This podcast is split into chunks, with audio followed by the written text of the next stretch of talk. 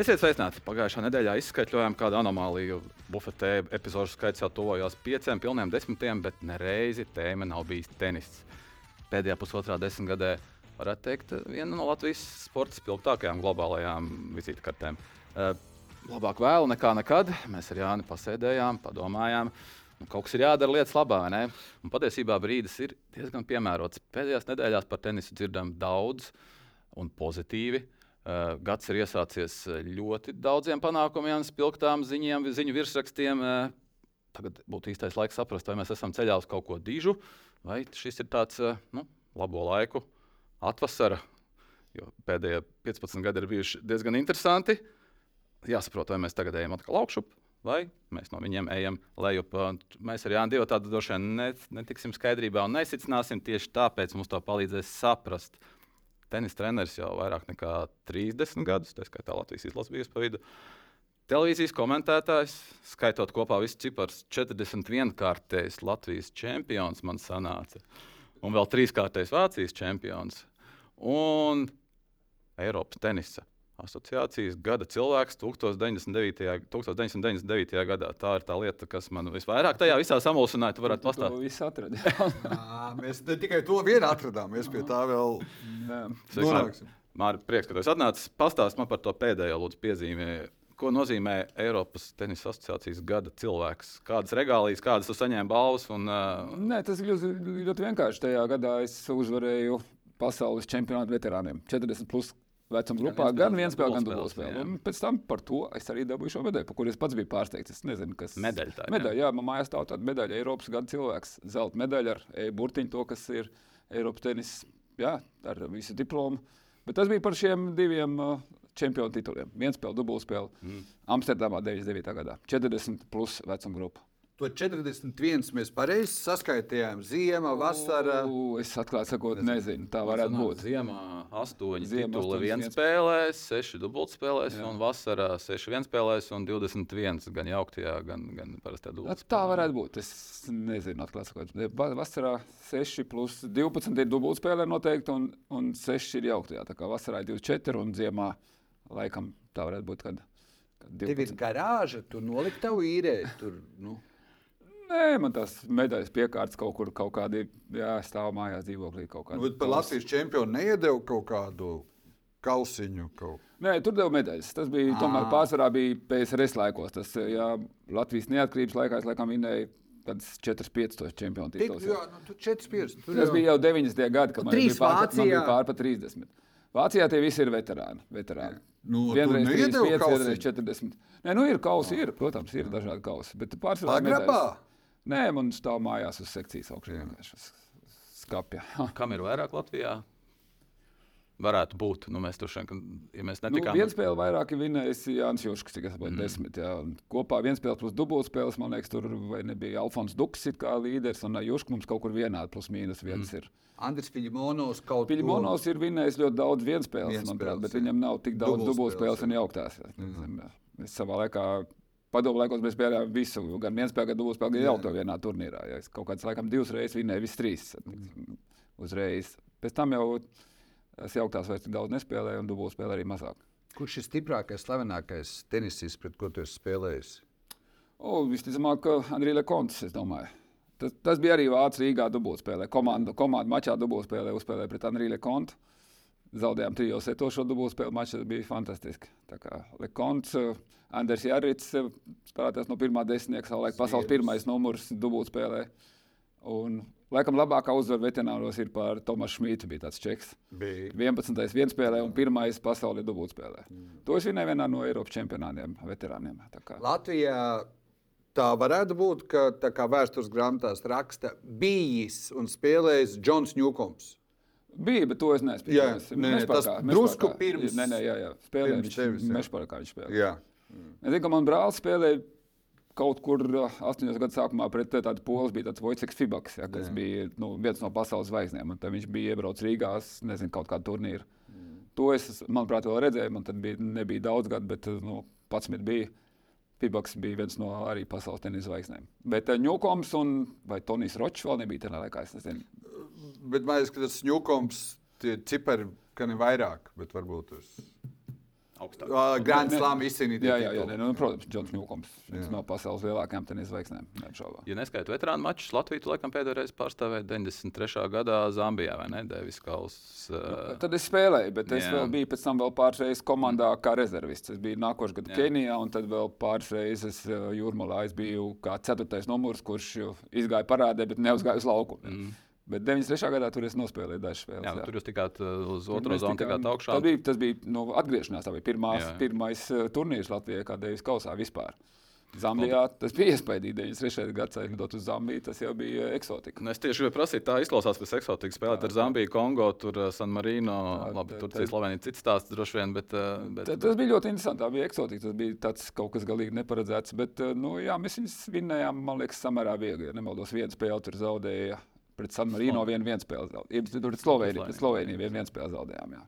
Bet kādi, kādi korti, nezinu, nav uzpūsti ar baloniņu. Tu kaut ko Ne, tur bija tāds, tur bija tāds interesants segums. Bija, jāsaka, no govju mēsliem tādiem uztaisīts. Tur kaut kas tagad tāds lipīgi, viņi tādi bija tādi, nu, tumši, lipīgi, bet ļoti līdzeni un ļoti gludi. Tā kā tad interesanti foni no salmiem un, un ģērbtos tur bija tādi vienkārši koku būdi. Ja, tā kā viss bija ļoti vienkārši.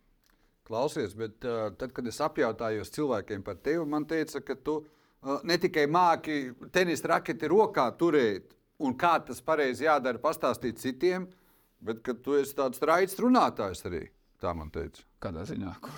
kur? Nu, kaut kādā brīdī tu no raketes lietošanas esot uh, pārgājis uz stāstīšanu par tenisu, par televīziju komentētāju. Tu kļuvi kādā veidā, kas tev tur atrada, kas tos tavus slēptos vai neslēptos talantus atrada. Nu, es nezinu, vai es varu tā, droši vien pateikt, tas bija Olofs Jakobsons, ļoti pazīstams uh, Latvijas te, te sporta vidū. Ja? Olofs Jakobsons, viņš man, bija dzirdējis. viņš man vienkārši piezvanīja, es atceros to momentu. Viņš man piezvanīja, es biju uz laukuma, paņēma telefonu, man prasa, vai es negribu pamēģināt pakomentēt. Es domāju, kā sakot, minūti tikai, un teicu, ok, es būšu klāt. Tad mums bija viena pārbaude, burtiski viens sets bija jānokompetēt, ko tur kāds klausījās. Nu, un teica, ka ir ok, un mm. kopš tā laika jau laikam kaut 15 gadi jau pagājuši. Tad tavs komentē, komentēšanas krustāvs Olofs Jākops. Tieši tā. Labi, ka Jā, katram ir kāds savs krustāvs. Tev ir kāds krustāvs? Rakstīšana. Profesionālais. Profesionālais. Bez tēta.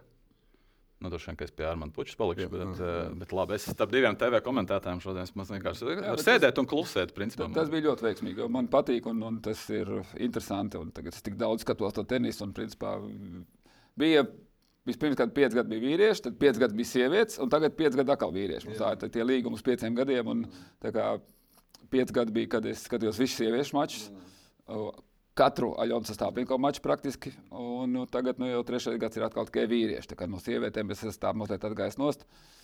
Bet nu, vīri, vīri turnīrs visus pēc kārtas praktiski. Pirmā spēle atceries, ko komentēt? Nē, neatceros. Tā tad nebija tik traki. Laikam, tas tiešām 15 gadu atpakaļ es neatceros. Es pat kā tagad jāsāk domāt, kas tajā laikā spēlēja tur to brīdi. Es tev varu izstāstīt. Tas nozīmē, ka bija ļoti labi. Varbūt. jo, kad man pirmā reize bija kaut kas jāpastāsta televīzijā, es to tik labi atceros. Ka, ja tu neatceries, tas nozīmē, ka tev gāja ļoti labi. Jā, es tiešām, tiešām to, to, es neesmu par to domājis. Es neatceros pat īsti tos pirmos turnīrus, kas tur bija un kas tur spēlēja. Tā, tā īsti es neatceros. Klau, bet, nu, tu sanāk, tenisā es jau 80 gadu, var teikt. Jā.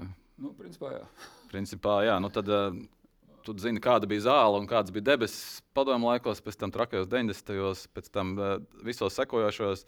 Nu, mēģinam saprast uh, ar Aļonu Stāpenko, ar Nāstu Sevastovu, ar Ernestu Gulbi. Tie, nu, tas, ko esam piedzīvojuši pēdējos 15 gados, tas ir Latvijas tenisa zelta laikmets, tā var teikt. Nu, protams, protams nu, viņi ir sasnieguši fantastisks virsotnes. Tas ir vienkārši neticami. Ernsts bija desmitniekā, Jona bija piektā, uzvarēja Grand Slam. Sevastovs bija tuvu pie desmitnieka, 11. pasaulē. Tas ir vienkārši neticami. Tas ir, tas ir, es Open pusfinālā. Tas ir vienkārši neticami. Ernsts bija French Open pusfinālā. Nemaldos, viņš tur uzvarēja Federeru. Tas ir, tas ir neticami, tas ir fantastiski, ka, ka mums ir trīs tādi spēlētāji, pasaules tenisa zvaigznes. Jo konkurence ir milzīga. Nu, mēs skatāmies tagad mūsu vīriešu otrais, trešais numurs stāv otrajā tūkstotī reitingā. Tas nozīmē, ka viņiem tūkstots ir priekšā tādi, mm -hmm. kuriem ir punkti, kur spēlē turnīrs, un vēl ir daudz tādu, kuri netiek nekur klāt. Un tādā konkurencē tik līdz desmitniekam. Arī futbolā Latvijas izlase 2004. gadā spēlēja Eiropas čempionāta fināla turnīrā. Un nu, futbola cilvēki saka, ka varbūt ka mēs atkārtosim šo panākumu iespējams jau pēc 80, 100 gadiem. Kad mums būs nākamie šādi 15 gadi tenisā ar uh, French Open titulu, ar Ernesta pu vīriešu pusfinālu, ar vēl vienas dāmas pusfinālu Grand Slam turnīrā? Kad Nu, vispirms jau tāpat Jānis apmeklē, kur katru brīdi to var izdarīt. Viņi to izdarīja šogad. Te, kas tie, tie lielie speciālisti, Makenrojas, Vīlanders, ir sajūsmā. Viņi teica, ka, es nezinu, kurš no viņiem tieši, bet viens teica, ka nu, viņš būs ļoti pārsteigts, ja Ļona neuzvarēs vēl kādu Grand Slam, ka to viņi noteikti izdarīs. Ļoti slavīgi pēc Adelaides jā. 500. Tā kā nu, Aļona ir tā, kas, kas nāk aiz viņas, nu, pašlaik tā darīs, viņa izteikt tā lēni pakāpeniski kāp uz augstu reitingā. Ja tūlīt būs burtiski pie pirmā simtnieka, viņa tikko vakarien vinēja ļoti lielu turnīru Mumbajā. Tā kā uzliekas atkal jā, par jā. vietām rangā. Nu, viņa ir rekorda savā rekorda augstā vietā, 112. šobrīd. Tā, kā, nu, tā ir tā, kas cik viņa tālu tiks, es grūti teikt. Nu, viņa spēlē tādu manuprāt, diezgan lēni kombinācijāli tenis. Smuki viss tīri apspēlē, bet tur tās, kas augstāk ir jau 30, 20, nu tās, manuprāt, ir krietni stiprāk vienkārši. Mār. Bet uh, objektīvi liecina kaut kas, ka Darija varētu atkārtot Aļonas panākumu vai kaut vai Nastjas panākumu. Nu, cerēsim, bet es atklāšu, ka kaut kāds šaubos par to. Nu, tas ir tik grūti, tomēr, jo tas līmenis ir ļoti augsts. Un, uh, Jo tu augstāk kāp, jo grūtāk ir. Teiksim, otrajā simtā vēl tu vari tur apspēlēt, kaut ko uzvarēt, bet tālāk jau pirmā simtā, 50. tur ir, tur ir tomēr. Man solīti atpakaļ. Uh, mums ar Ingūru arī bija pēdējā laikā jārunā par to, ko ar Latvijas hokeju izdarīja, cik ļoti uzplauka pēc bronzas medaļas izcīnīšanas pasaules čempionātā, arī basketbolā, piektā vieta pasaules kausa izcīņā. Uh, Kā Latvijas tenis izmainīja Aļonas uzvaru French Open 17. gadā? Nu, es domāju, ka bija vairāk audzēkņu, ja, bet uh, nav jau mums šeit Latvijā tādas sistēmas, nav tādu izcilu treneru, varbūt par pasaules vārdu, nav tādas tenisa akadēmijas. Ja, nu, manuprāt, tiešām Latvijā izaudzināt uh, augstu līmeņa spēlētāju ir ārkārtīgi sarežģīti. No Aļona ir izņēmums, viņai māma treneris, ja, tēvs atbalstīja ļoti, bet uh, Tieši tas pats. Jā, jā, nu, jā. Pats nu, bet uh, Ernests jau 11 gados, 12, 13 jau bija Vācijā, Nikija Piliča akadēmijā, ja, kur viņš trenējās kopā ar Džokoviču. Mm. Tā kā jābrauc ir laikam uz tām ārzemju akadēmijām, kur tomēr viss ir atstrādāts, kur ir vairāk treneri, gudri treneri, pieredzējuši, kuriem viss ir sistēma, kur tu strādā, tas trenējies, mācies uz vietas. Un kur tev ir plāns sastādīt Latvijā, tas, manuprāt, nu, es tā precīzi nezinu, bet nu, nav tomēr tik augstā līmenī. Audzēkņi varbūt ir daudz vairāk, ja, bet nu, nav tā apmācība. Pat šādi panākumi, pat eh, liels uzvaras, Grānslāma uzvaras, pat eh, iekļūšana desmitniekā, pieciniekā rangā. Nu, Nepadarīs Latviju par Latvijas tenis, par, par pasaules tenisa tādu lielu valsti, jo nu, objektīvi tam nav ne ekonomiski pamata, ne, ne, nekāda. Ne. Un, un mums ir tā sistēma, ka tās halles ir ziemā tik dārgas. Ja, teiksim, nu, ļoti grūti ir bērnam trenēties, jo tas viss ir ļoti dārgi. Jāmaksā par to katru stundu hallē, ko tu spēlē. Citur tomēr tās sistēmas ir savādākas. Tur ir uh, kaut kādi abonementi vai kluba biedri, kuriem nav tik daudz jāmaksā. Vācijā viss notiek uz uh, klubu sistēmas. Ja tu esi klubā, tu samaksā tur, nezinu, 150, 200 eiro pa gadu, un tu spēlē, cik tu gribi. Ja. Tad, tad viņiem tā, tā kluba sistēma vairāk palīdz tā, tā daudzveidība. Un, un, un Eiropā arī vienkāršāk ir uh, turnīru spēlēt. Iekāpt mašīnā, tev katrā vietā ir turnīrs. No Latvijas bērnam, lai aizbrauktu uz turnīru, starptautiski ir, ir jālido. Viesnīca, tas uzreiz ir atkal izmaksas. Jā. Vai mēs varam teikt, ka jaunais tenisa savienība, nu cik jau jaunais Ernests Gulbis, uh, iet pareizajā virzienā ar savām jaunajām iniciatīvām, padarīt pieejamāku tenisu bērniem? Un tas, ko viņš tagad izdarīja, to atlasi, un tagad, cik viņš ir atlasījis, kāds 50 bērns, kuriem, kuriem ir gads pilnībā pavēlts, tas, protams, ir fantastiski. Jo no šiem, kas veselu gadu trenēsies, tagad pavēlti, protams, ka tur varēs atlasīt tos talantīgākos, labākos, un tad varbūt tieši tiem arī palīdzēt. Jo sākumā jau grūti atrast tos īstos talantus. Ja viņš nāk tur uz treniņu divreiz, trīs reizes nedēļā, īsti nevar saprast, vai tur kaut kas būs vai nē. Bet tagad, ja veselu gadu tādus tā nopietni trenēs un pētīs un skatīsies un pārbaudīs, iespējams, ka tur atradīsies kāda talanta, kurus tad pēc tam atkal var atbalstīt tālāk. Jo atbalsts ir vajadzīgs. Ļoti. Bet nu, tenis ir kā vēsturiski bijis turīgo ģimeņu atvašu sporta veids, tā vai citādi skaties, nu, tas jau no kopš pirmsākumiem šķiet, ka nu, tas tomēr ir.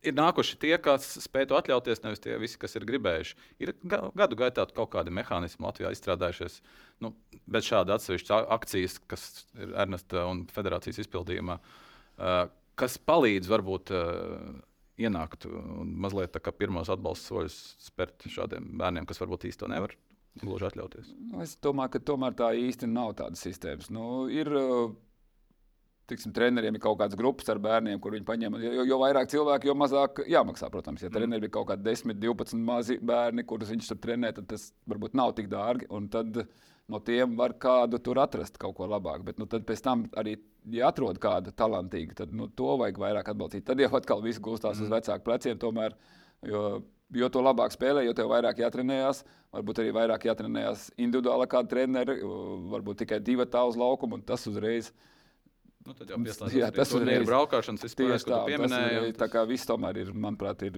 ļoti, ļoti dārgi. Ko tu visvairāk trenēji? Amatierus, turīgākus, bērnus, jauniešus?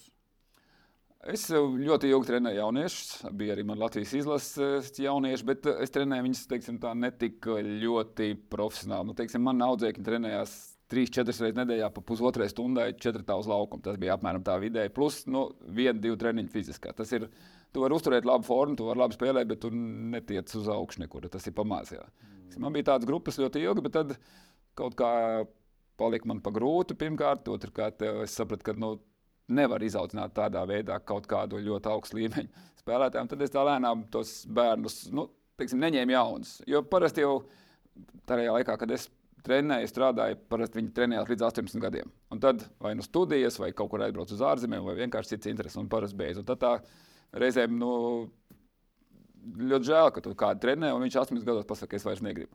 Un tad es pakāpeniski vienkārši tie, kas negrib aizgāja prom, un es jaunas neņēmu. Tā man tā bērnu trenēšana beidzās, un tagad es vienkārši spēlēju ar labiem amatieriem, tādiem, kam šausmīgi patīk, kas spēlē. Tad mums ļoti populāri ir amatieru līga, tur spēlēja simtiem. Un tad vairāk no viņiem trenējās pie manis. Un vienkārši mēs spēlējām prieku pēc. Es, es ar viņiem kopā spēlēju, man pašam patīk, es viņiem mēģinu pamācīt. Un, un viņiem galvenais ir teiksim, spēl, iemācīt spēlēt mazliet ātrāk un mazāk kļūdīties. Jo tā jau viņi visi kā prot. Bet nu, vienkārši mazliet uzlabot. Un tad viņi iet spēlēt tajā amatieru līgā.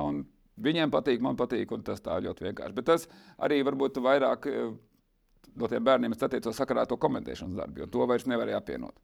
Tagad, teiksim, saviem veterāniem kas pie manis nāk, tiem amatieriem.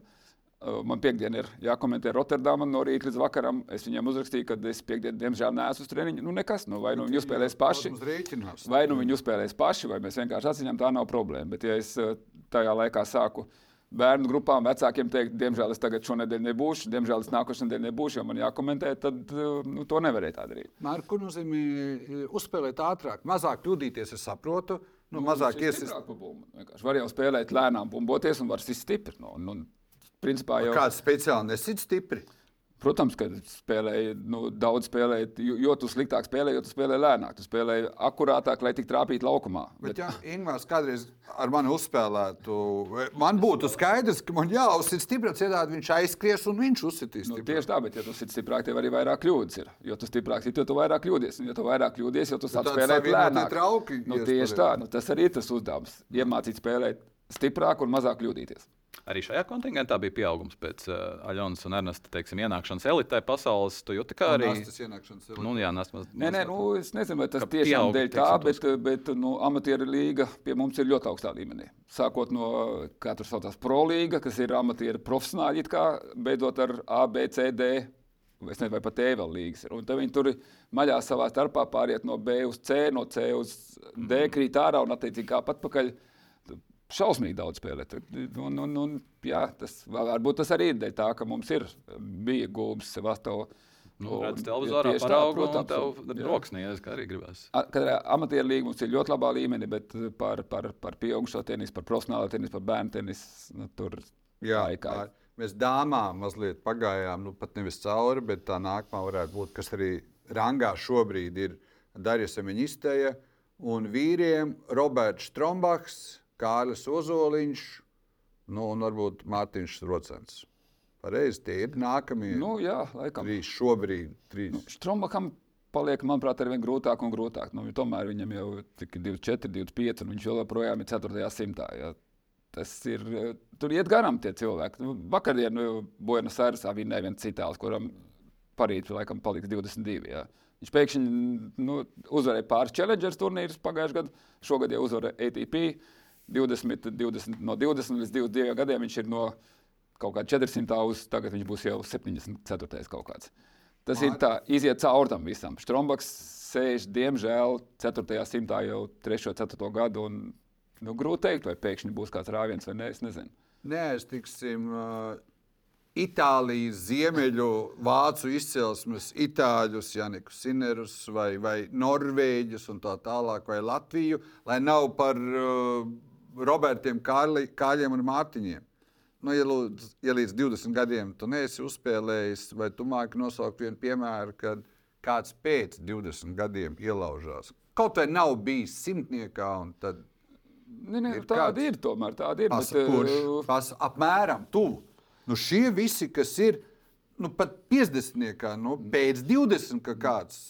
Ne, nu, ir tie ļoti daudzi, tie, kas ir izstudējuši Amerikā, kas beidz universitāti. Un uh, tad uzreiz pāriet profesionāļos. Un tieši Ozoliņš ir rocēni tur pašlaik. Nu, jā, ir tikko... Tie ir Amerikas studentu čempioni visbiežāk. No, tieši tā. Tad tie ir vai nu universitātes sastāvā, jā, jā, vai individuālajā turnīrā. Tie tad ir universitāšu sistēmā čempioni. Tieši tā, tikko arī vakardien finālā spēlēja tas Markus Girons, tāds amerikānis. Jā. Viņam šobrīd ir 30 gadi, un viņš uh, bija amerikāņu students. students ne, viņš bija Amerikas students, jā. viņš pabeidza, un augstākā vieta viņam bija 49. Ja, teiksim, pēc tam. Viņš tagad nu, jau kopš tās studijas pabeigšanas, viņš tur arī simtniekā visu laiku grozās. Ja, bet viņš iesāk pēc studijām. Tad, tas garais amerikānis, tagad tāds Kristofers Jubanks ir divi metri viens laikam. Viņš arī pabeidza universitāti un tad 22 gadu vecumā vai 23 pagājušajā gadā vinēja pirmo turnīru pēkšņi ATP, kur pirms diviem gadiem par viņu neviens neko nezināja. Pagājušajā gadā viņš vinēja turnīru pirmo un, un ielauzās tur uzreiz kaut kur 20 vai 30 arī 22 gadu vecumā. Uh, ir ļoti, nu es tagad nepateikšu tādus vārdus, ir daudzi, kas eh, spēlē ļoti, ļoti ilgi. Ir pazīstami kaut kur, teiksim, bijuši ap simtnieku, un kaut kur 27, 28, 29 gadi pēkšņi ir ļoti augstu. Tas eh, fantastisks piemērs ir eh, Francūzs, tagad Adrians Monarino. Viņam palika pagājušajā gadā 35, un šobrīd ir savā augstākajā vietā reitingā, vispār karjerā. Jā. Viņš pagājušajā gadā pēkšņi vinnēja divus turnīrus, un, un ir kaut kāds 16, 17, 35. Un... Bet tas droši vien ir izņēmums, kas apstiprina. Ne, tie ir tādi, kas spēlē ilgi, labi. Viņš visu laiku bija tur kaut kur ap 50, 60 vietu. Vienkārši, nu, nezinu, uz vecumdienām kaut kā aizgāja spēle, varbūt atbrīvojās, varbūt vairs īpaši neko nedomāja, sāka spēlēt. Viņš vienkārši labi spēlē un vienkārši pirms tam varbūt kaut kāds satraukums, tev vairāk cerības, it kā tev gribās, kad pārpa 30. jau spēlē tā. Vakardien, diemžēl, ļoti raudāja pēc spēles. Tāds argentīnietis Fasundo Bagnis, viņš bija finālā. Viņam arī 34 gadi tūlīt paliks. Un tas bija viņam otrais fināls karjerā. Un viņš spēlēja Argentīnā savā mājās finālu pret to jauno Itāliju. Pēdējā, pēdējā ir neapšaubām pēdējā iespēja. Jo viņš, viņam bija traumas, viņš reitingā kaut kur aiz simtā, ja, un tagad viņš tik līdz finālam un gribēja vinnēt, zaudēt. Tad viņš tiešām raudāja. Viņš tiešām raudāja kaut arī it kā vīram jau tur bija 3, 4 gadi, bet uh, viņš saprata, ka nu, nav tik vienkārši vinnēt ATP turnīru. Ingūna, ja mēs atgriežamies mazliet pie Jonas. Es domāju, ka mēs haotiski izskrējām tie uzvārdiem cauri. Tagad sākam tiešām no izējām mūsu tiem uzvārdiem tā kārtīgāk, kā Jona mēs pieminējām, 17. gadu Rolandu Garos pieminējām. Uh, Nu, Divi viņai ir 500. 24. gads ir sācies. Divus 500. Adelaide Lince ir tālāk Brisbanā ir, un Austrālijā arī dubultspēles. Vienā fināls un vienā tituls, respektīvi visur, kur viņa gājas laukumā, viņa ir bijusi vismaz finālā. Nu, Tas ir, ko mēs varam secināt. Tas ir tāds, mēs drīkstam, drīkstam krist eforijā, vai tas tomēr ir racionāli izskaidrojams? Tāds, uh, es domāju, ka vienkārši jāspēj spēlēt gudrāk. Es tiešām, kā jau teicu, es gadus piecus viņu komentēju, un tad tur reizēm mats cēlās stāvs. Ja viņi nu, blies par to bumbu vienalga, kur pagadās, kā pagadās. Ja trāpa super, viņi varēja jebkuru tur apspēlēt, un viņi varēja jebkuram zaudēt. Es pat redzēju vienu no tādiem komentētājiem, viņi var stundā aizcist 50 bumbas sētā. Bija viena spēle, kuras komentēju, nezinu, pirms septiņiem gadiem. Viņai vienai zaudēja 6-0, burtiski 40 minūtēs. Ja. Iznāca uz laukuma, sasiet visu. Jā. Tikai nē. Un nu, tad tur nezinu, ko teikt. Vienkārši. Tagad viņi spēlē, pilnīgi var redzēt, viņi spēlē akurātāk, viņi spēlē pārdomātāk. Viņi ir tikpat stipri, bet uh, šo pēdējo sitienu, kad ir jāpaņem punkts, viņi iesit ne pa līniju, bet iesit nu, 10 centimetru no līnijas. Tu esi teicis, ka viņi ir iemācījusies pirms tā sitiena padomāt, ko viņa darīs un kur viņa sitīs. Pirms tam viņa no nedomāja. Pirms tam viņai bija bumba uz raketes, ērta bumba, vienalga kāds rezultāts, bliež pa stūri, ir, ir nav, nav. Tagad viņa piedomā, kāds rezultāts. Viņa Līns atspēlēja mačbumbu galā. Tas arī nav vienkārši. Pie mačbumbas tev ir jāpaņem šis punkts, ja ne tu brauc mājās. Jā. Es biju dzirdējis, ka Mārcis saka, pirms mēs turpinām mm -hmm. iet uh, pēc kārtas. Kā viņa ar šādu spēli 2017. gadā varēja Rolandu Garos vinēt? Nu, tas laikam nav izskaidrojums. Tas, tas, tas nav izskaidrojums. Nu, vienkārši bija fantastiska forma. Viņa neko daudz nedomāja. Viņa bija ļoti jauna. Viņa sita pa katru bumbu ar milzīgu spēku. Vienkārši trāpīja, vienkārši veicās kaut kur. Un tad viņa tur atspēlējās vairākas mačus no bezcerīgām situācijām. Bet Nu, nu, tur- atspēlēties var tikai sitot laukumā, nevis Ties, nu, nē, nu, protams, jau viņi vinēja. Tanī laikā viņi spēlēja fantastiski labi, neticami labi. Kāpēc tas tā bija, to pat, man liekas, neviens nezina šobrīd.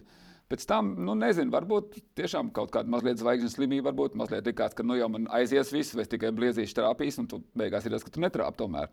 Izrādās, ka cits arī māk spēlēt. Ja? Un Tad, tagad viņi lēnām, lēnām, lēnām ir kļuvusi pieaugušāka, gudrāka.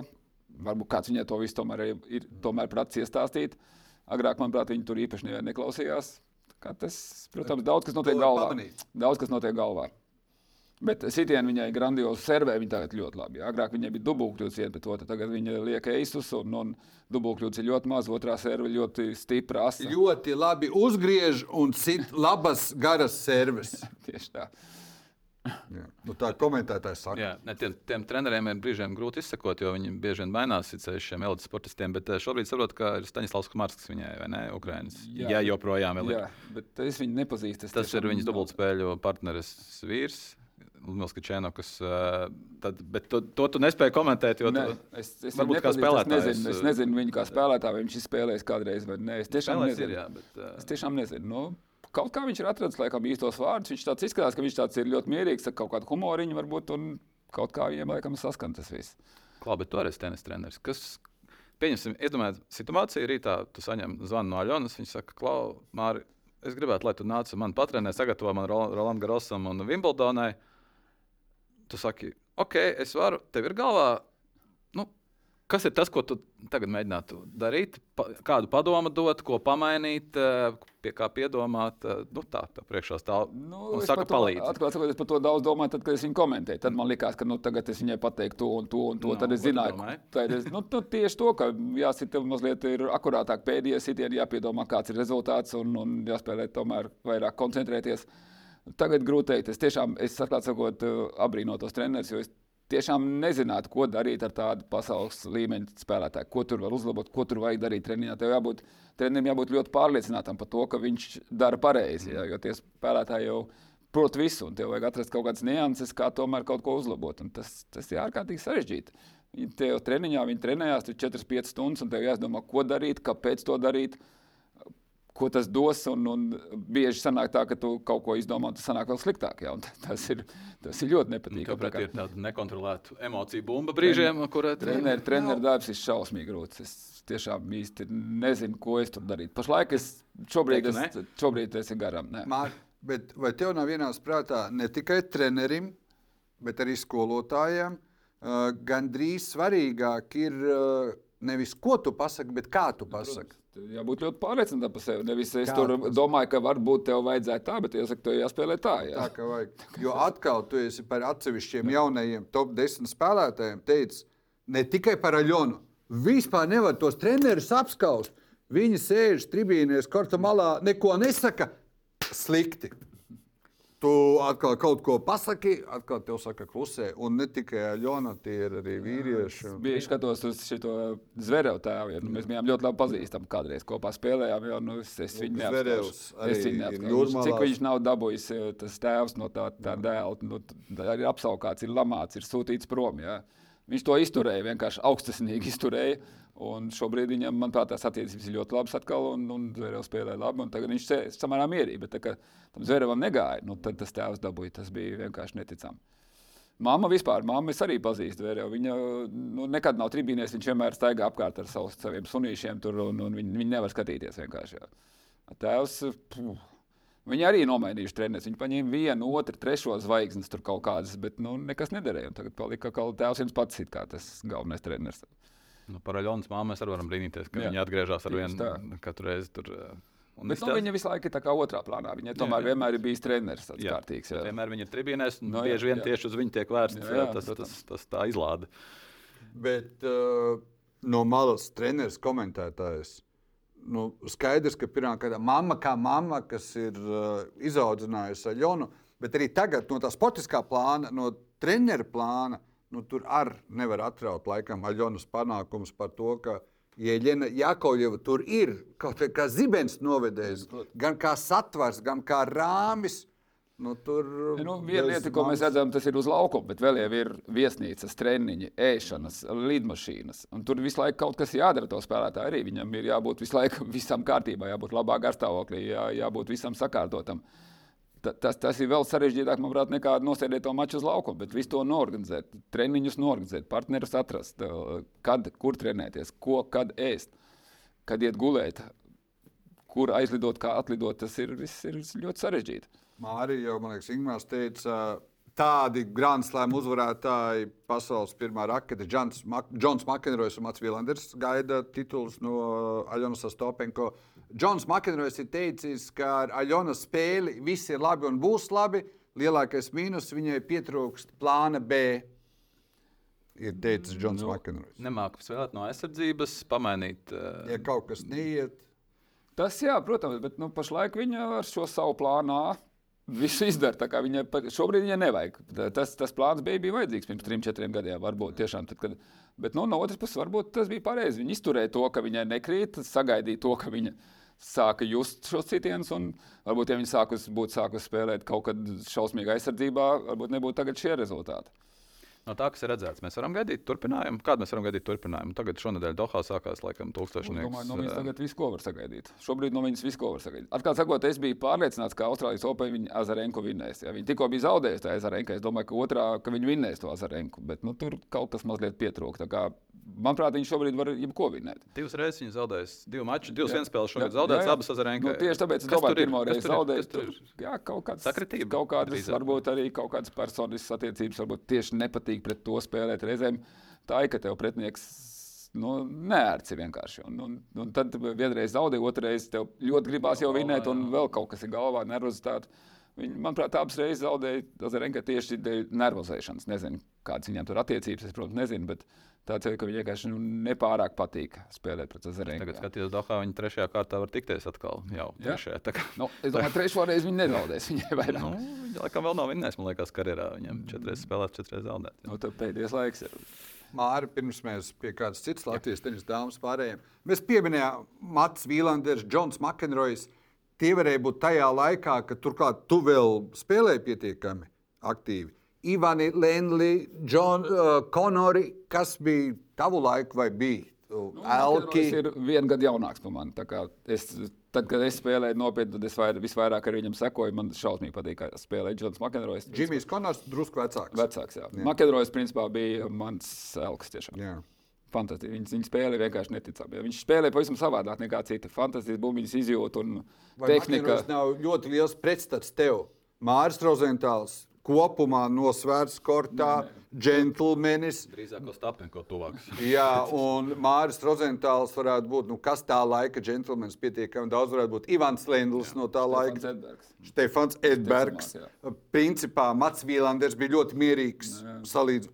Un tev Elks ir Džons Makedrojs, kurš varēja spļaut, mest, Nu, lamāties. jā, Man vairāk tieši viņš patīk dēļ viņa spēles stila, dēļ tehnikas. Viņa, viņa spēles stila. Tas, tas bija iespaidīgi, kā viņš spēlē. Tā, tā kā neviens cits, jā, teiksim, tieši tā viņa tā tehnika īpašā.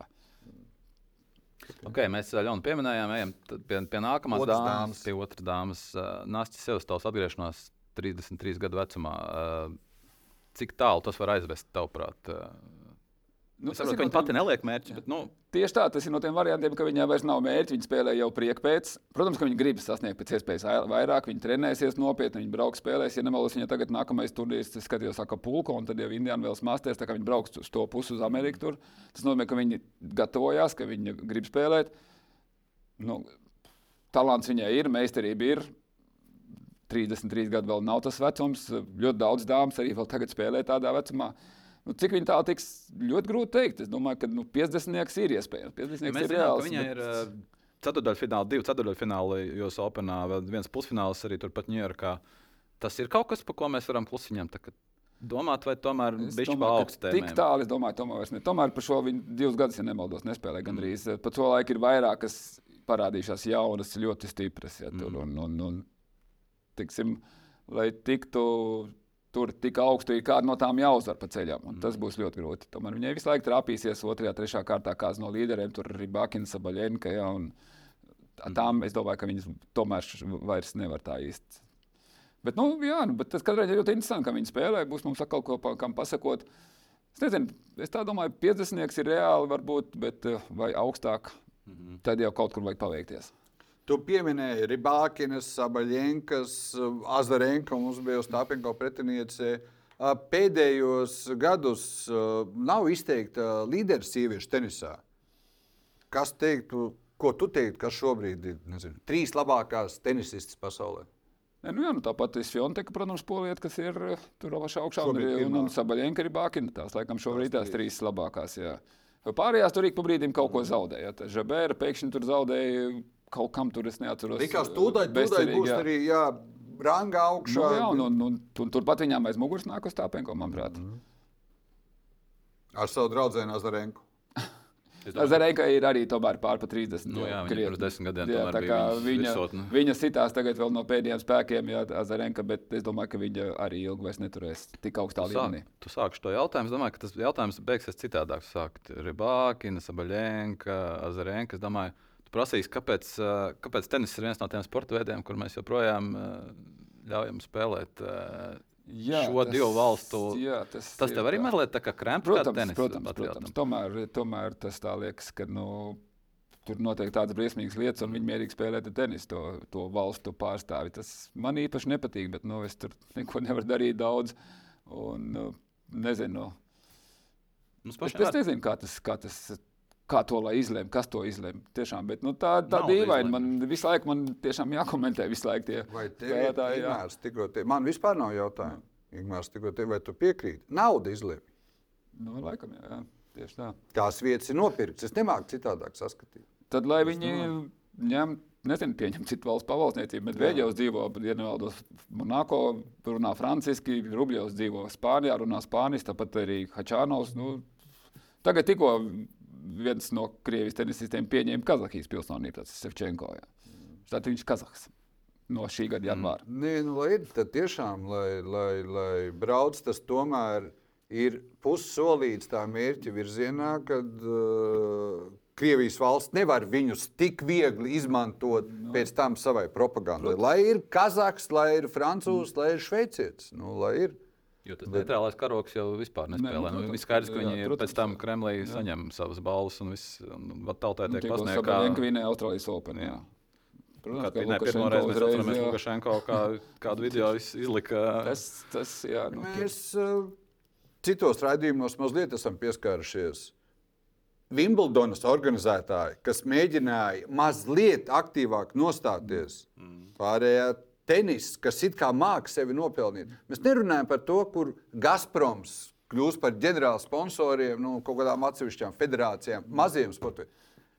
Tenisa pasaulē vajadzēja sodīt Wimbledonu, kas nepielēma. Tas bija galīgi dīvaini. jo Tur viņi privāti organizēja to turnīru, viņi tur privāti personas ieliek naudu. un Viņi uzskatīja, ka viņa Krievijas, Baltkrievijas pilsonis nepieņems. Jā. Viņi to visu. Un tad viņi par to tika sodīti. Nolikt pie vietas bez jā, mazā. Nolikt pie vietas. Tas arī bija tā jocīgi. Jo Wimbledon to gadu man likās, viņi izdarīja ļoti pareizi. Viņi teica, ka mēs negribam tērēt savu privāto naudu, tur miljonus, un kad pie mums spēlē Krievijas un Baltkrievijas spēlētāji. Viņi neļāva viņiem spēlēt, bet beigās dabūja paši. mm. šie Wimbledonas turnīra organizatori. Kā mums pašiem bija pāris gadījumi, ne, protams, mazliet atšķirās konteksts, bet nu, gan Kamila Bartona, gan arī pieminētā Dārsa Ministē pamanījās uzspēlēt dubultspēles kopā ar krievietēm. Kas tas, tavuprāt, ir tā kaut kāda attieksmes paušana, vienkārši izpratnes trūkums, kāda intelekta plaisa? Viņi vienkārši nepadomā, viņi galīgi nedomā. Viņi vienkārši viņas tur spēlē, visi kopā čupojās, nu viņas arī visu runā krieviski. Viņi pat varbūt nepadomā, ka tā pārstāv Krieviju vai ko. Nu, mm. Tas ir pazīstams draugs, varbūt, ja sarunājot, uzspēlēsim dubultspēli, uzspēlēsim. Galīgi, tomēr tas bija bez kaut kādas mm. domāšanas īpašas. Ok, par Dāriju tu apmēram pastāstīji, bet eh, šobrīd sanāk, ka viņa ir Baltijas otrais numurs. Pirms, pirms dažiem gadiem tas vēl liktos absolūti nereāli, zinot, ka, kur ir Nācis, kur ir uh, abas Igaunietes, tur uh, Brānga otrais numurs, Kontaveita. Un, un, un, un, un, un, un, principā, ko mēs no viņas. Uh, Viņa ir tagad cik 75 punkti no simtnieka. Nu, virziens it kā ir. Ir pirmais VTA turnīrs, kas ir vinnēts. Pirms tam ITF arī pietiekami daudzi. Nu, ok, Tu saki, tā spēle ir pārāk tāda klasiska, lai tēmētu uz kādiem lieliem plauktiem. Nu, tas kādiem, uz kādiem plauktiem. Uh, Nastē, tu pateici to piesnieku, nu, okay, nu, kur, kur var uzkāpt dārgi. Viņa tomēr nu, nav vēl tie nu, gadi. Nu, viņa ir ļoti jauna, protams. Viņa ir ļoti jauna, protams. protams nu, Viņai skaidrs, ka viņai ir treneris, ja nemaldos, mans labs draugs Romanis Batmānovs, jo viņš pats bija labs tenisists. Nu, Viņam jādomā, kā lai viņai varbūt viņa var. Protams, ka viņi var pielikt kaut kādu jaudu sitieniem, viņi var uztrenēt vairāk muskuļus, spēlēt, uh, asāk kaut kur uh, kāpināt to tempu. Un, ja viņam tas izdosies, talants viņai ir, būmīņas jūšana ir, pietrūks varbūt kaut kādas jaudas, ja viņi pie tā nopietni piestrādās. Kāpēc ne? Viņi arī tāpat var kāpt uz augšu, un, un cik tālu tiks, to ļoti grūti pateikt. Jo, ja tā paskatās, nu, tiešām fantastiski labi sievietēm spēlēt, tur pirmais desmitnieks, varbūt kaut kur otrais. Pārējās jau visas spēlē tomēr daudz maz tādu saprotamu, vienkārši tenisu. Un, un tur jau vairāk izšķir varbūt tiešām kaut kāds talants un nervi un, un kaut kāda veiksme. Ja, tur, mm. tur var izsisties cauri. Mārija, uh, bumbiņas jušana, tu pieminēji. Bumbiņas jušana bija ļoti svarīga tajos laikos, kad spēlēja Mārcis Rozentāls, mūsu pieminētiem Acis Vilanderi, Makinroji, Martinas Navratīlovas, Kristas Evertas Loidas un tā tālāk. Un tā Šobrīd arī sievietēm komentētājs Rozentāls saka, ir ļoti svarīgi tie taisnie sitieni, stipri sist, kas, es saprotu, nav Darijas Seministējas. Nu, arī jā, bet tajā pašā laikā ļoti daudz mēs redzam garas izspēles, kombinācijā tenis, kur liek šos saīsinātos, kur iet pie tīkla, kur spēlē no gaisa. Īpaši, kur nav ātrie sagumi. Jā, bet tagad arī tie cietie sagumi ir padarīti ļoti lēni. Tāpēc jau ir šīs garās izspēles. Mums tie citi amatieri visi lamājās, kad eh, Lielups, Halle un vēl kaut kur, kad viņi ir ļoti lēni. Šie jaunie sagumi, ko taisa cietos, viņi ir tā kā smilšpapīrs. Un bumba lec lēni un, un burtiski uz augšu nenoslīd. Un tāpēc ir šīs garās izspēles, un, un tad atkal ir vajadzīga šī bumbiņas izjūta. Mm. Tā kā bija tie ātrie vienbrīd, kad serve sitiens viss cauri, tad tur tiešām kurš stiprāk iestīsies vinnēs. Tagad atkal ir mainījies. Es nekļūdos Boris Bekers. Serve pie tīkla nu, ir, ir, nav, nav. Serve un volēji tagad jā. praktiski nav vairāk. Ir, ir daži tikai, kas tur spēlētāji. Serve un volēji vairs nav tādi. Bet, uh, spēle kļūst, tomēr šie laukumi ir lēnāki. Bumbas ir lēnākas uztaisītas speciāli. Arī tagad es, es pērku tās bumbas, cik pa brīdim viņas ir lēnākas. Jā. Viņas ir tādas mazliet spalvainākas, kaut kāds tur materiāls izmainīts. Viss ir padarījis, lai būtu garāks izspēles. Un to mēs arī redzam. Uz tā cietā sego viņa zenētās bumbas arī tur. Amatieriem grūti. Viņš nevar izskriet tik tieši tā, pa lēnu, pa ilgu, nevar nosist. Jā, un tad eh, piekūst. Jā. No, jā. Tā tas ir. Un tāpēc tie mači ir ļoti gari. Ļoti gari mači. Jo... Bet viņi iztēja par labu. Viņai par labu, protams. Protams. Mhm. Viņai tā viņai, jo, jo manuprāt, jo lēnāk, jo labāk. Es gan īsti daudz neesmu viņu redzējis. Ar kādu sakot, šeit jūrmalā viņa, manuprāt, vinnēja Latvijas čempionātu. Tad es paskatījos, kā viņa spēlē, bet tā es neko daudz neesmu redzējis. Bet, nu... Mēs noskaidrojām. Tu esi pats teicis, ka prognozes ir nepatīkami izteikti un tā tālāk, bet tā ir tavs profesijas sastāvdaļa. Mēs no tevis izspiedām, ka Sevastovs varētu tikt līdz 50. Mēs turpinām spiest, līdz kurai vietai rangā tiks darīta. Nu, es tiešām prognozēju. Mēs varam dot tev laiku, 5 sekundes, padomāt. ne, nu, tas ir tāds minējums. Jā, bet tie, tieši. Nu, teiksim, es varbūt nosaucu 30 apmēram. Jā, tā. Es domāju, ka viņi varētu iet uz priekšu. Viņa, cik es, viņas ap citu finālu arī vinēja atspēlot mačbūmu. Tā kā jā. ar nerviem viņai viss kārtībā. Viņai nervi viss kārtībā, bumbiņas izdot lieliski. Viņa krās pieredzes. Tā kā Es tieši gribēju teikt, viņi spēlēja 17 finālos un 16 no tiem minējas. Tas liecina par kaut kādu raksturu īpašību, kas ir diezgan būtiska. Domāju, Jā, tas ir tieši tas tenisistam vajadzīgs. Tas kaut kā oža vinnēt šos svarīgos punktus, šos izšķirošos punktus. Jā. Tāda neapšaubām Jā, ir Džokovičam, jā, tas tas ir- ir fantastiski. Tu pie, tas vienmēr katrs savā līmenī.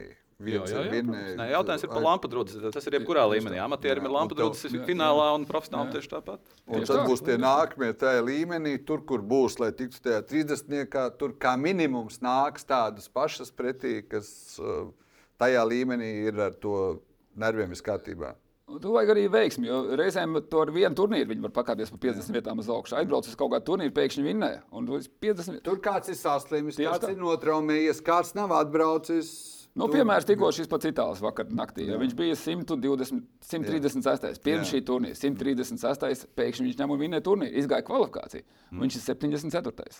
tagad, šodien. Mm -hmm. 20, tieši tā kā Semiņistā, viņam 22 paliks jā. Viens turnīrs, tu esi no 136. 74.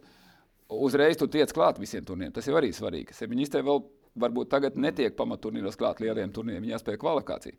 Bet, ja tu esi 70, tu jau esi katrā turnīrā jau pamattabulā. Mm. Un uzreiz ir daudz vieglāk.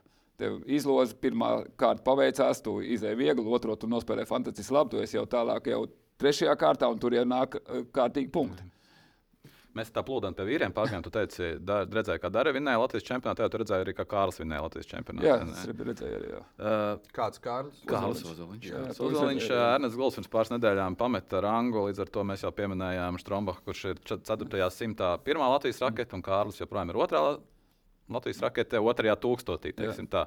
Uh, Kas, uh, kā tu redzi viņa karjeras izvēles? Uh, Jo viņš pirms, nu, mēs runājām pirms gadiem, četriem, šķiet, pieciem. Viņš teica, diezgan skaidri, viņš vairākās intervijās atkārtoja, ka viņš 2028. gadā grib būt pasaules top 10. Tagad viņš ir aizgājis uz šo koledžu sportu. Īsti mēs viņu neredzam. Mēģināju viņu uzrunāt. Viņš tā kā īsti neatsaucās. Es skatījos, bija izdzēsies arī Instagram visas bildes. Es nezinu, kas tur notiek. Bet, jebkurā gadījumā mēs vairāk par profesionālo pusi. eh, Nu, redzējām viņu jūlijā, vai bieži neredzam. Kas, kas ir tas, ko tu vari pateikt no šī viena Latvijas čempionāta? Vai, vai, vai Nu, tā, es tas redzēju viņu, viņš bija Devis Kausā pret Izraelu. Nu jā, Davis Arī, arī. protams, Tur viņš jā. uh, pirmo dienu nospēlēja fantastiski labi, visi bija Jā. sajūsmā. Un tad uh, viņi ļoti neveiksmīgi ar Ernestu Gulku kopā nospēlēja dubultspēli. Tur tiešām viņi nu, nospēlēja neveiksmīgi, jāsaka, viņam vajadzēja to maču vinēt. Un tad uh, pēdējā dienā viņš vienkārši noplīs pret to uh, izšķirošo maču, kur bija 2-2, kur viņam vajadzēja vinēt. Uh, ja nemaldos, viņš trešo set zaudēja bezcerīgi. Pilnīgi. Pēkšņi noplīs. Un tad, teiksim, ja salīdzinām pirmo dienu un otro dienu, pavisam divi ozoliņi savādāk. Jā. Pirmā dienā viņš spēlēja fantastiski labi, tad likās, ka no viņa būs kaut kas, un mm. pēdējā dienā viņš. Protams, kaut kāds tas bija trešais mačs, viens spēle, dubultā spēle, vēl viena spēle, izšķirošā spēle, ļoti sarežģīta komandas spēle pie 2-2. Nervos, un, un jā, tur viņš mazliet apjuka. Nu, grūti pateikt, nu, katrā ziņā viņam ir liels augums, viņam ļoti labi serve, viņš labi spēlē pie tīkla, viņam it kā viss ir. Kā, kā tā, apmēram pēc visas tās varbūt, uh, spēles stila, tāpat kā Janis Siners, kaut kur līdzīgs. Jā. Arī tāds, tāds diezgan garš, tāds mazliet tāds staigā līgodamies, ja fantastiski servē, ļoti stiprs ir tikai Siners, ir tikpat stiprs un trāpīs laiku, un Ozoliņš mēģina sist un netrāp. Nu, tur ir kaut kāds nianses tikai. Jā. Varbūt, viņam aizies. Ko tā intuīcija saka? Tev noteikti tāda ir gadu desmit laikā izstrādājusies. Tu noteikti apmēram jūti.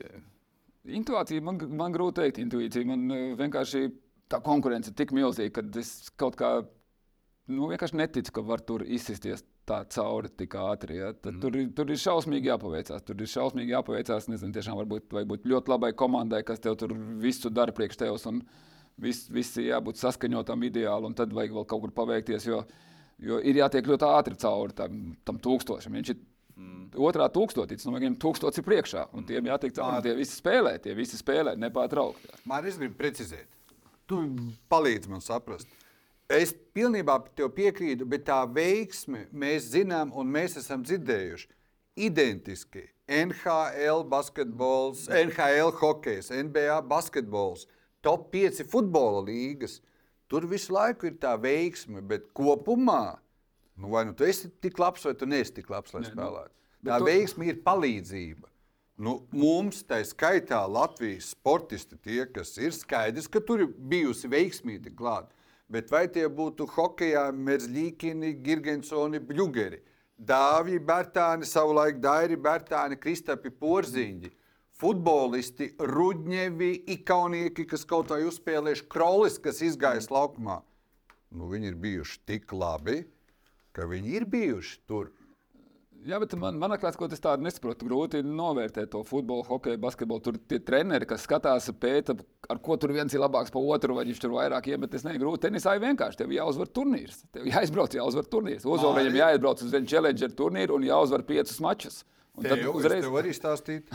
Nav svarīgi, ko treneris spēja. Tas tev ir izstāstīt.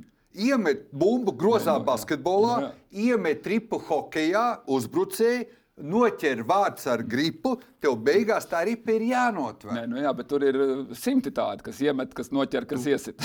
Simtiem. Nē, Kā apmēram, no tiem ja tu prasi atlasīt? man konkurenci, lai tiktu tajā NHL, es domāju, ka būs salīdzināma, lai tiktu tajā simtniekā. Apmēram man sajūtas, ka tas pats. Bet vienkārši, manuprāt, tenisā tas ir redzamāk, kā, kā, kas Nu, ko Kas jā. ko ir tā pieklājīga un varbūt pārāk sarežģīta. Vai nu tu esi tik labs, vai nu tu neesi tik labs. Bet uh, tur ir tā veiksme, tā, ka tev ir jāuzvar. Protams, jābūt tev labam pirmkārt. Un otrkārt, tev vajag nospēlēt kādus 4, 5 mačus, uzvarēt kādu lielu turnīru, Jā. kur tev katrā spēlē ir jāpaveicās. Tev ir jāuzvar 4 mači smagā cīņā. Un jātrāpjas pēdējais punkts, tā mačbumba jāpaņem. Un tāda četras dienas pēc kārtas. Lai kādas būtu veiksmes, un tās ir bijušas un stāvējušas klāt citiem vārdiem. Pēdējos 15 gados mums tāds tik labs ir bijis tikai viens vīrietis, Ernests Gulbis, un divas sievietes, Oļana Stāpenko un Anastasija Sevastova. Un citas nav. Vai tur ir veiksme, vai tas ir 17. gads ar finālu Simona Halepa, Roland Garosfīru. Jā, tev bija tie stiprie jāvina. Ja, tieši tā. Viss, un tad vai nu Kārli piedod ozoliņu, tu sit laukumā vai ārpus laukuma. Labi, noliekam malā veiksmi, parunājam par talantu. Es domāju, ka Latvijas sieviešu trīnieks varētu būt diezgan skaidrs. Iespējams, nu, respektīvi, mēs laikam Nāstu, Aļonu un es pieņemu, ka Lārijas Nēlandi. Tas varētu būt tā kā Visu vē- laiku. vēsturiski visu laiku trīs Nu jā, talantīgākās. Jā, jā. Kā ir ar vīriešiem? Sastāda savu top 3, trīs visu laiku talantīgākie Latvijas tenisisti. Nu, ja tā padomā, laikam ir talantīgākie, laikam ir uh, nu, Gulbis pats par sevi. Jā. Es domāju, Andris Filimonovs, tam bija fantastisks bumbijas izjūta. Viņš varēja spēlēt ļoti augstā līmenī. Viņš, diemžēl, bija tajā laikā, kad visi varēja braukt pa pasauli. Viņš vienkārši bija mazliet pa slinku, lai, jo tad bija pašam jākārto visādas vīzas, biļetes, jāpiesakās turnīriem. Viņš varēja izsisties ļoti augstu, bet viņš to nedarīja. Girds Zelde, kurš varbūt nebija tik uh, talantīgs, teikt, bet nu, viņš, protams, bija pirmajā desmitniekā uh, Padomju Savienībā un, un viens no labākajiem dubultspēles spēlētājiem. Viņš to darīja. Viņš kārtoja sev biļetes, viņš zvanīja tur viesnīcām, pieteicās turnīros, viņš braukāja pa pasauli.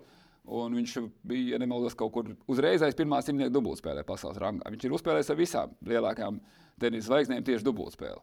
Un arī vienā spēlē viņš bija kaut kāds 250. Teiksim, bet viņš to kārtoja sev pats un, un menedžēja tā, kā Filimonovs to nedarīja. Nu, pirms tam manā laikā, laikam, jau tomēr Jānis Juška bija tas fantastiskais talants, tāds bumbas virtuos vienkārši. Nu, tā var būt. Tātad, kas mums sanāca trīs?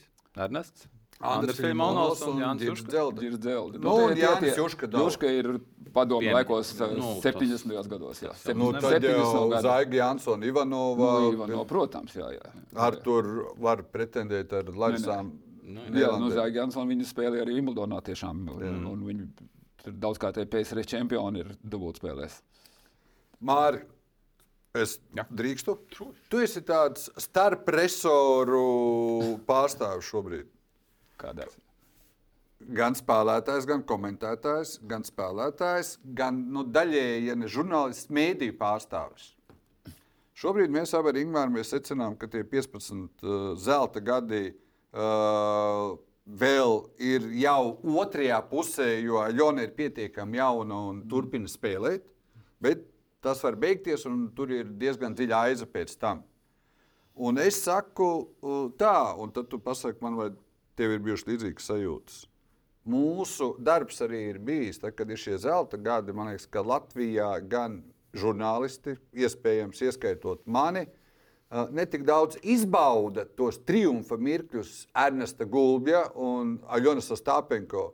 Bet tajos triumfa mirkļos gan fani, gan žurnālisti nu, tādu meklē tās utis. Ko darīja Stokholmā?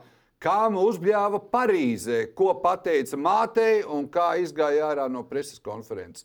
Nemākam baudīt tos lielos sportistus, nemākam izbaudīt to laimi, ka mēs varam sekot, ka viņi pārstāv Latviju. Tie ir mūsu sportisti. Mums nav par divām Tā idejām. ir izbaudīšana. Arī viņa vājību pārunāšana ir izbaudīšana. saki, ja? Jā. Nu, labi. Nē, nē, bet, Bet protams, nav ka pakritizēt kaut ko vajag. Ja, jo viņam tomēr arī, lai cik viņš liels zvaigznes, nu, tomēr uz, uzvesties ir jāprot daudz maz. Ja. Un, ja kaut ko uztais tādu nu, ļoti sliktu, tad ir jākritizē. Nevar teikt, ka tas bija pareizi. Ja. Bet, uh, Tas tiešām tā mazliet um, nu, nevajag daudz kritizēt, jo izdarījuši viņi fantastiski. Un, un, un tajā līmenī mēs īstenībā nezinām, kā tev tur galva strādā. Jo tas ir stress, ir milzīgs visu laiku. Tu esi tur pašā augšā, tu tiecies ar visiem pasaules zvaigznēm. Ja? Kā tur tas viss notiek, un, un skaidrs, ka kaut kur varbūt arī mazliet tā teikt, norauties un kaut ko ne to pateikt, tas ir normāli. Bet tas, ka viņi ir padarījuši fantastisku darbu un joprojām tur ir, tas ir, nu, tas ir iespaidīgi. Tas tiešām tas ir jāatzīst. Jā, bet joprojām, lai kā arī Jānis Stāpinko ir uzlabojusi komunikāciju, to, kā viņi izturās korto, pirmā, kad viņi atkal spēlē labāk, un līdz ar to, to problēmu ir mazāk. Bet, nu, sociālajos tīklos gan arī tur sagaida atkal, nu, reku tā bilde, ko viņi pateica, kā viņi pateica. Nu, tā tālāk. ir, ir, ir reizēm viņi dara mazliet pat traki. Tas, ka viņi tagad visu laiku pēdējās, viņi lieliski spēlē, bet viņi visu laiku apšauba to līniju tiesnešu lēmumu, pie kam nav jau līnija tiesneša. Tur ir tagad video iekārts. Viņi jau nav netic tam, ka video ir pateicis ārā. Viņi saka, nevar būt, ka bija iekšā. Bet Es tev atkal varu pateikt, Jā, ko nu. Mārcis Rozentāls par šo ir teicis. Tad, kad Mārim Rozentālam jautā, vai viņa tā neizsitīs sevi no līdzsvara ārā, tad tu esi atbildējis, ka nē, viņa ir pie tā pieradusi. Viņa uzreiz māca saņemties. Tas tāda noskaņos. Jā, nu, nu, viņa jā. neizsit sevi. Jā, viņa pateiks, varbūt nolamāsies, es atvainojos. Un jau nākamajā izspēlē viņa atkal ir savā ritmā. Viņa māk- pieru un spēlē jā, tālāk, viņa jā. Māca spēlēt tālāk, ka viņa Tā kā, nē, tāpēc sevi. arī tas ir jāsaprot, ka tas ir viņas spēles stils, tas Jā. ir viņas raksturs. Bez tā viņa nebūtu varbūt tik tālu. Bez, tā, bez tās uzvedības. Bet, nu, tur Tavs vajag- elks, Džons Makinrojs, nav iedomājams savu titulu, un viņam tā ilgā ar vecāko uh, Jimmy Connors, kad viņi dalīja titulus uh, savā starpā, finālā ļoti bieži spēlē. Nu, nav iedomājies Džons Makinrojs, kurš tagad ka nenolamās, neies. Es to pozu atceros, ka viņš ir uz to tiesnešu augšā skatās. Un, Tur Nu, no, Ļonai vēl jāmācās no Nu, Makinroja. jā, mūsu laikos viņš ātri vien būtu jau ģērbtuvēs. Mums jau ir kā noņem punktu, ne brīdinājums, noņem punktu, noņem game, ceturtais brīdinājums, tu ej prom. Jā. jā. Tā kā mums tagad ātri spēlētājs noliek pie vietas. Bet, respektīvi, arī žurnālistu un fanu attieksme ir tāda, kāda ir E, jābūt. nu, vajag, manuprāt, mazliet mierīgāk to uzņemt. Arī Teiksim, mums jā, vajag. nu, ne, nelamāt viņus tik traki. Protams, kaut kur var pakritizēt, bet nu, tomēr gal galā tur emocijas ir briesmīgas tajos finālos, pusfinālos. Tur tajos tribīnas 20,000 sēž apkārt, nu, un tu viens, viens pret vienu spēlē. Ne? Tā kā Tas ir sarežģīti. Klau, tu teici, piecus gadus es tagad citīgi vīriešu nokomentējis, ka tik daudz spēles redzējis, kā droši vien Latvijā neviens cits. Nevaram nepieltāt par tām tendencēm kopumā. Nu, viena liela ēra tur būs noslēgusies. Federers jau ir beidzis, Nadals praktiski ir beidzis. Džokovičs tikko Austrālijā parādīja, ka arī ir uh, tikai cilvēks. Un finālā nu, pirmo reizi mēs redzējām, kāds viņu nodominēja tā, tā kā tas notika. Pusfinālā. Pusfinālā. Jā, pus, tad pusfinālā nodominēja. Teiksim, nu, mēs redzējām, ka Džokovičs var būt tikai cilvēks. Kā tu redzēji, nu, ka, kas, kas to troni dalīs, kam tas cepters būs rokā un kas ir tie, kas nāk vietā? Nu, viņi nomainās, teiksim, Dānis Rūde bija tikko gandrīz virsē, un viņš vēl, vēl 20 gados jau noplīs pēkšņi. Ja? Pēkšņi viņam pajuka visu spēli, un liekas, ka viņš jau bezmaz tā kā veterāns, ja? kaut kā viņš ir ļoti jauns. Nu, vai viņš atgriezīsies savā visaugstākajā līmenī, nevis pat tik līdz Vēl ceturtajai? vienam noplīs. Ja prasa man Alkarasam, likās, ar kaut kas Nu, pajuka. Arī, arī jā, bet nu, viņi vēl joprojām tur ir augšā. Nu, protams. tie tie paši, kas, kas arī būs. Vienkārši tagad nav varbūt tā, dominējoši, kā bija tas trīnieks. Nu, Marijas 4. bija. Jā. Jā. Federer, Džokovičs, Nadals tie bija 3, 15 gadus. Principā. Mm. Pirmie trīs, un tur neviens viņam vispār tūmā netika. Nu, Marijas bija 4. turpat aiz muguras. Jā, Marijas arī bija kādu laiku pirmais reitingā. Jā.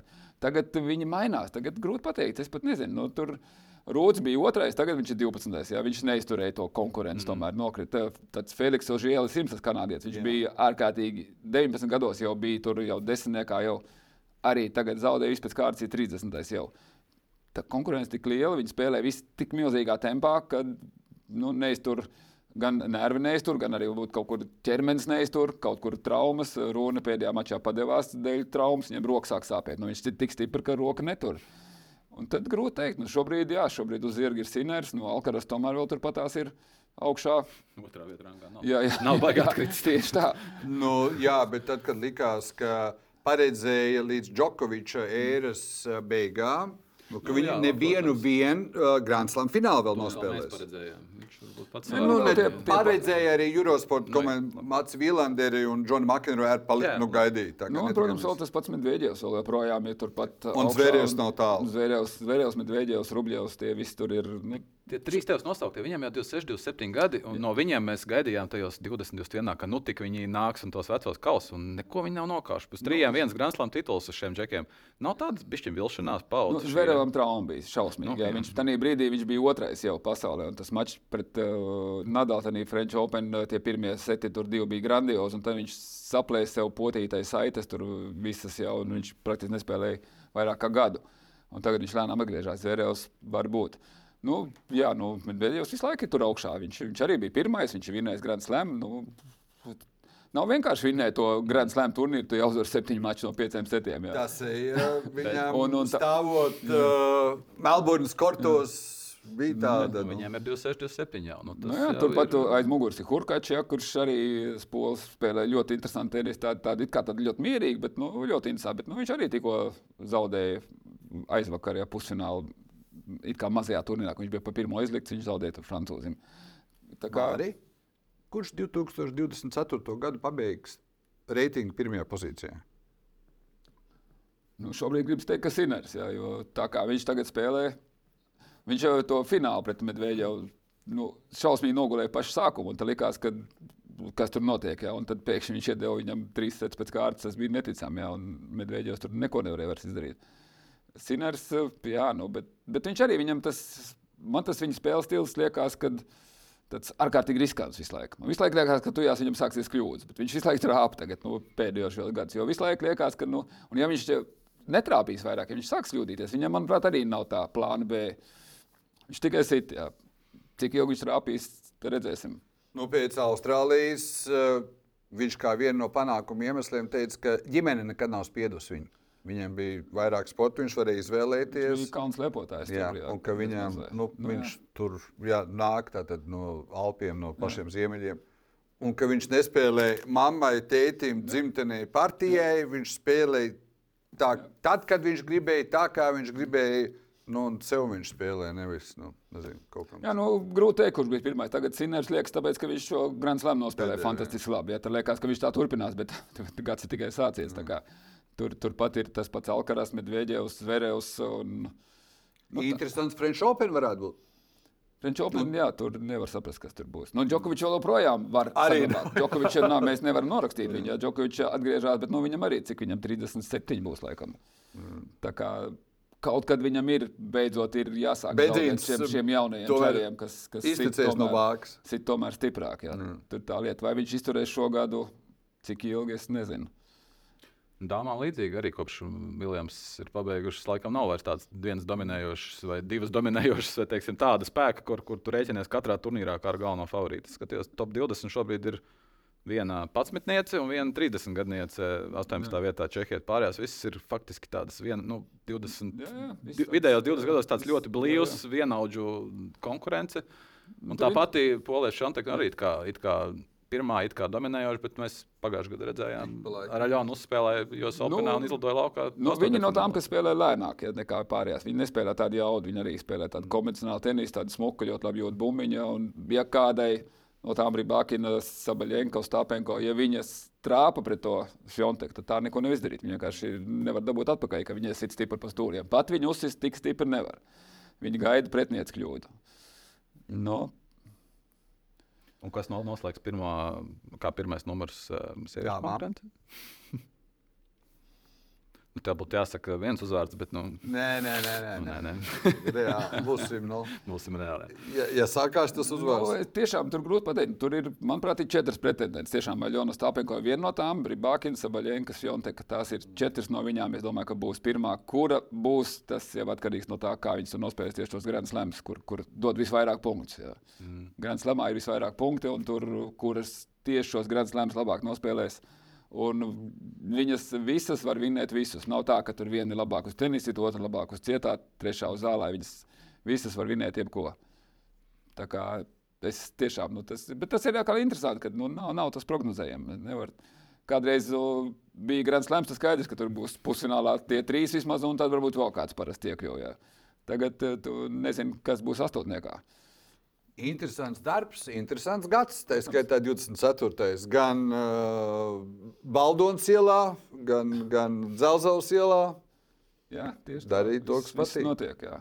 Cerēsim, ka varbūt arī Rīgas lidostā būs kāda interesanta diena. Jo mēs jau zinām, Karogi. Mums, mums patīk sāgaidīt, mums patīk, kad ir piešķir brīvdienas. Varbūt tenis varētu kādu mums nopelnīt, vai ne? Kad tagad ir nākušies French Open. Frenčos, Grand Slam, French Open. Jā. Turpat Wimbledonā abos divos tīri labi ir tam, gājis. jā. Tīri labi ir gājis mūsēm. tā. Gaidām, skatāmies tūkstošniekus. Labi. Tam. Jā. Labi, Mārtiņ, paldies, ka Man liekas, paldies. interesanti parunājām par tenisu. Nu, Tad gaidīsim uh, lielo dienu nākamo mūsu spēlētāju izpildījumā. Dāma šobrīd jāsaka, laikam, no, no džekiem. Mēs šobrīd kādu laiciņu vēl negaidām. Vismaz ne uz tā skatos. Nu, ne uz tās Tieši skatos. tā. Labi, paldies, ka atnāci. Paldies, ka skatījāties, klausījāties. Jā, paldies arī Lūdzu. tev. Pārmaiņas pēc pateikšu. Lūdzu. Jā, tiksimies nākamā nedēļa. Vislabāk!